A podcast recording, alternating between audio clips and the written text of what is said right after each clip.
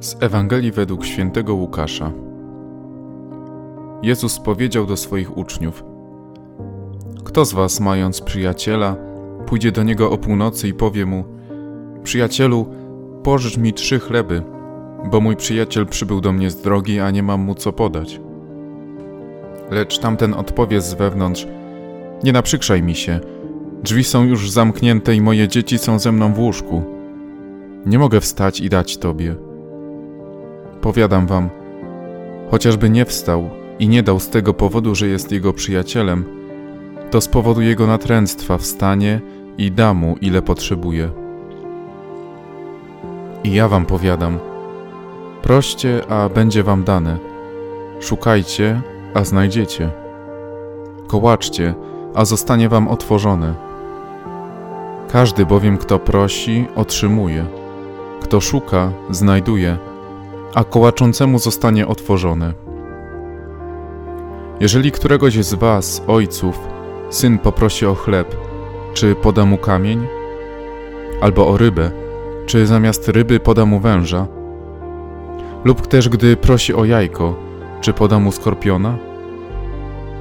Jeśli więc wy, choć źli jesteście, umiecie dawać dobre dary swoim dzieciom, to o ileż bardziej Ojciec z nieba udzieli Ducha Świętego tym, którzy go proszą.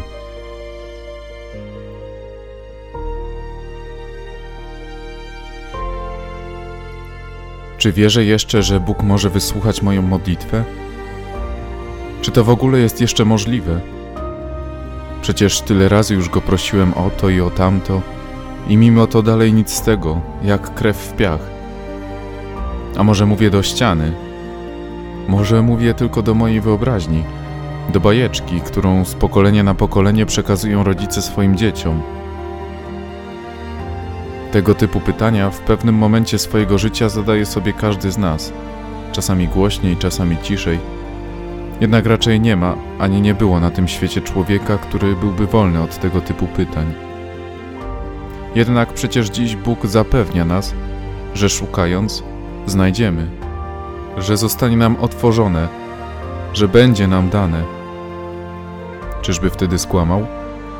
A może miał coś innego na myśli? Otóż, jak zwykle, musimy zmienić naszą perspektywę patrzenia na Bożą perspektywę patrzenia. Po pierwsze, Bóg nie jest wróżką od spełniania każdej naszej zachcianki. Po drugie, Bóg nie obiecuje nam gruszek na wierzbie, lecz że Ojciec udzieli Ducha Świętego tym, którzy Go o to proszą. Zaznacza tutaj, który z darów jest największy i najkorzystniejszy. Czy prosiłem kiedyś o Ducha Świętego?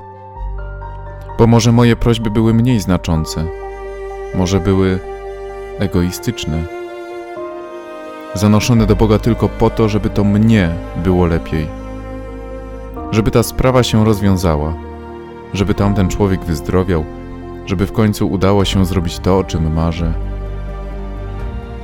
Czy to wszystko nie są tylko życzenia, które mają zapewnić nam wygodę w życiu?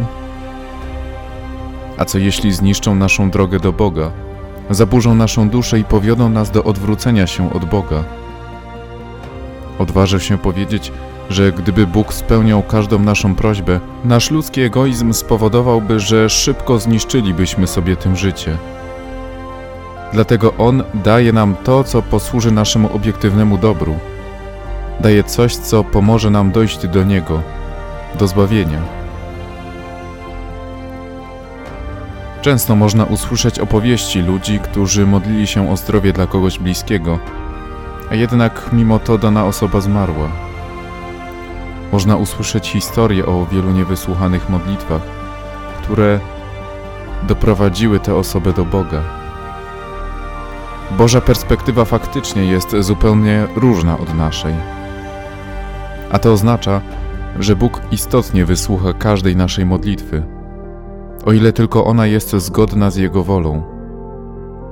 A prośba, będąca zgodna z Jego wolą, to taka, która prowadzi nas prosto w Jego ramiona.